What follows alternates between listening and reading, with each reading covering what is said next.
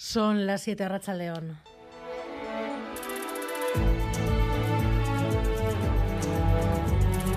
Gambara con Arancha García.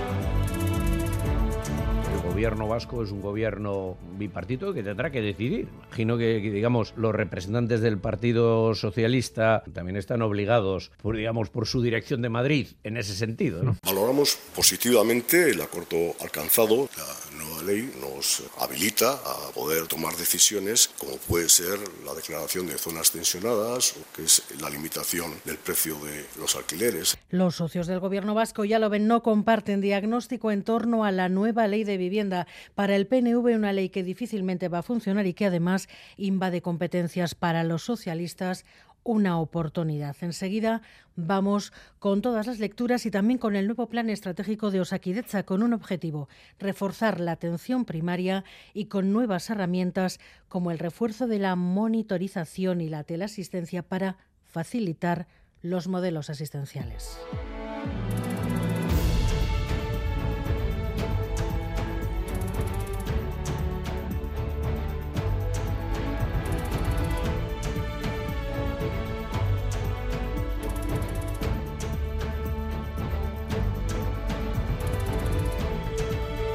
Sobre todo son agresiones, pero también hay amenazas y coacciones por raza, por orientación sexual. Es la radiografía de los delitos de odio, una realidad exponencialmente al alza. Magrebíes y homosexuales son hoy los colectivos diana de estos delitos. Amaya Zabala. Sí, Sara e Irán son dos de las víctimas de delito de odio en Euskadi. En el caso de Sara, por su descendencia magrebí. Que por verte con el pañuelo en la cabeza de ya eres tonta, ya no hablas el idioma, ya no entiendes nada, ya eres ignorante, eh, no, no puedes hacer nada. E Iren por ser chico trans. Como más de tres veces por la calle me han insultado maricón. Eh, una de ellas bajando la basura y en otra ocasión, cuando yo estaba en un banco con una chica con la que yo me estaba besando, eh, se paró un chico también a llamarme maricón, por simplemente, según él, como yo iba vestido. Son solo dos de los muchos ejemplos que ponen voz a los datos del reciente informe sobre delitos de odio.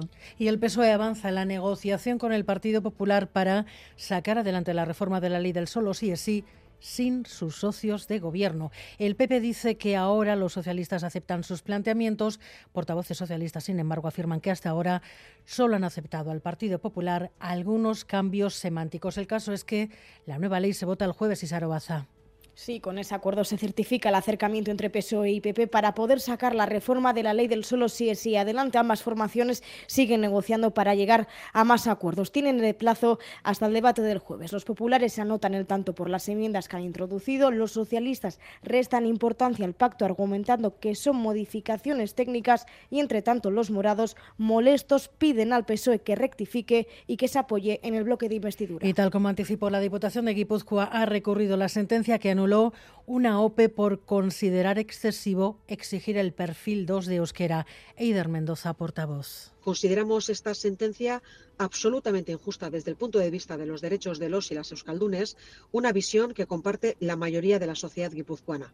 Asimismo, reafirmamos nuestro compromiso con que los servicios públicos se den respetando siempre la opción lingüística de la ciudadanía. Y los tribunales que dan la razón a los restaurantes que ya empiezan a cobrar, a los clientes que no cancelan su reserva con antelación, no presentarse. Les ha costado casi 600 euros a tres comensales. Los restauradores muy de acuerdo con la sentencia. Al final cada restaurante es libre de aplicar las políticas que decidan y estando todo avisado y prácticamente ser una especie de contrato que tú has aceptado, están en su derecho de cobrarlo. La política de cancelación es un compromiso en ambas partes. Tú cuando reservas en un restaurante estás reservando un periodo de horas en los que hay una gente que se va a dedicar a ti. La gente que juega a reservar en varios restaurantes y elegir luego uno, lo sé porque yo tengo varios restaurantes en Vizcaya y nos han hecho en mis restaurantes la misma reserva a la misma hora con la misma persona. Fíjate que es demencial el tema, ¿no? Emmanuel Macron comparece dentro de una hora y hay mucha expectación porque es la primera comparecencia ya con la reforma de las pensiones en vigor, a la espera de lo que diga para comprobar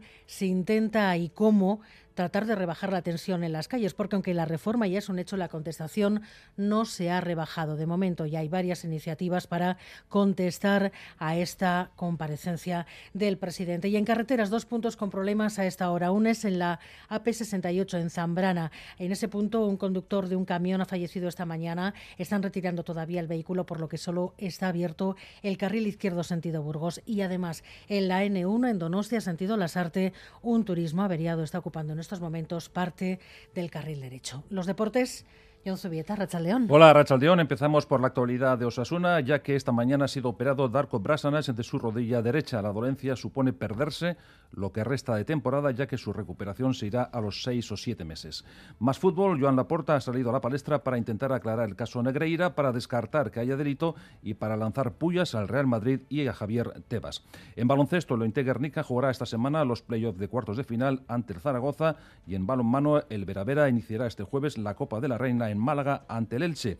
Y en ciclismo se ha disputado la primera etapa del Tour de los Alpes con triunfo de Tao Har, decimotercero ha sido Mikel Vizcarra de Euskaltel Euskadi a 31 segundos. He venido a mentir otra vez, subir aquí a decir que estoy bien y volver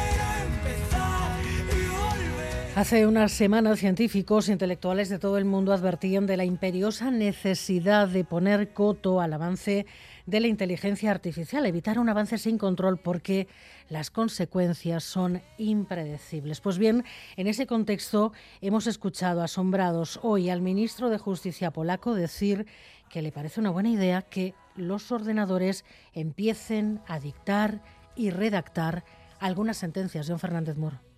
El ministro arrancaba su explicación advirtiendo de que podía sonar a ciencia ficción. Eh, science fiction. Y dejando claro que el uso de la inteligencia artificial en la justicia no es una opción,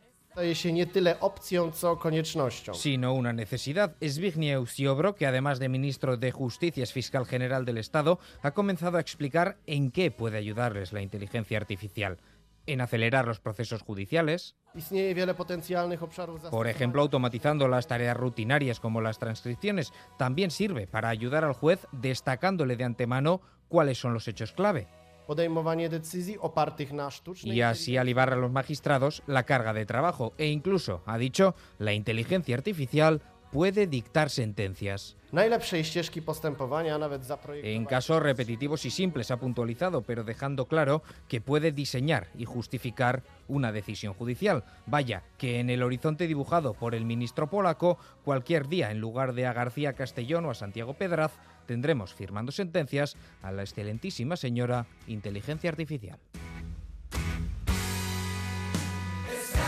Miguel Ortiz y Maitane Bujedo están en la dirección técnica, Cristina Vázquez en la producción.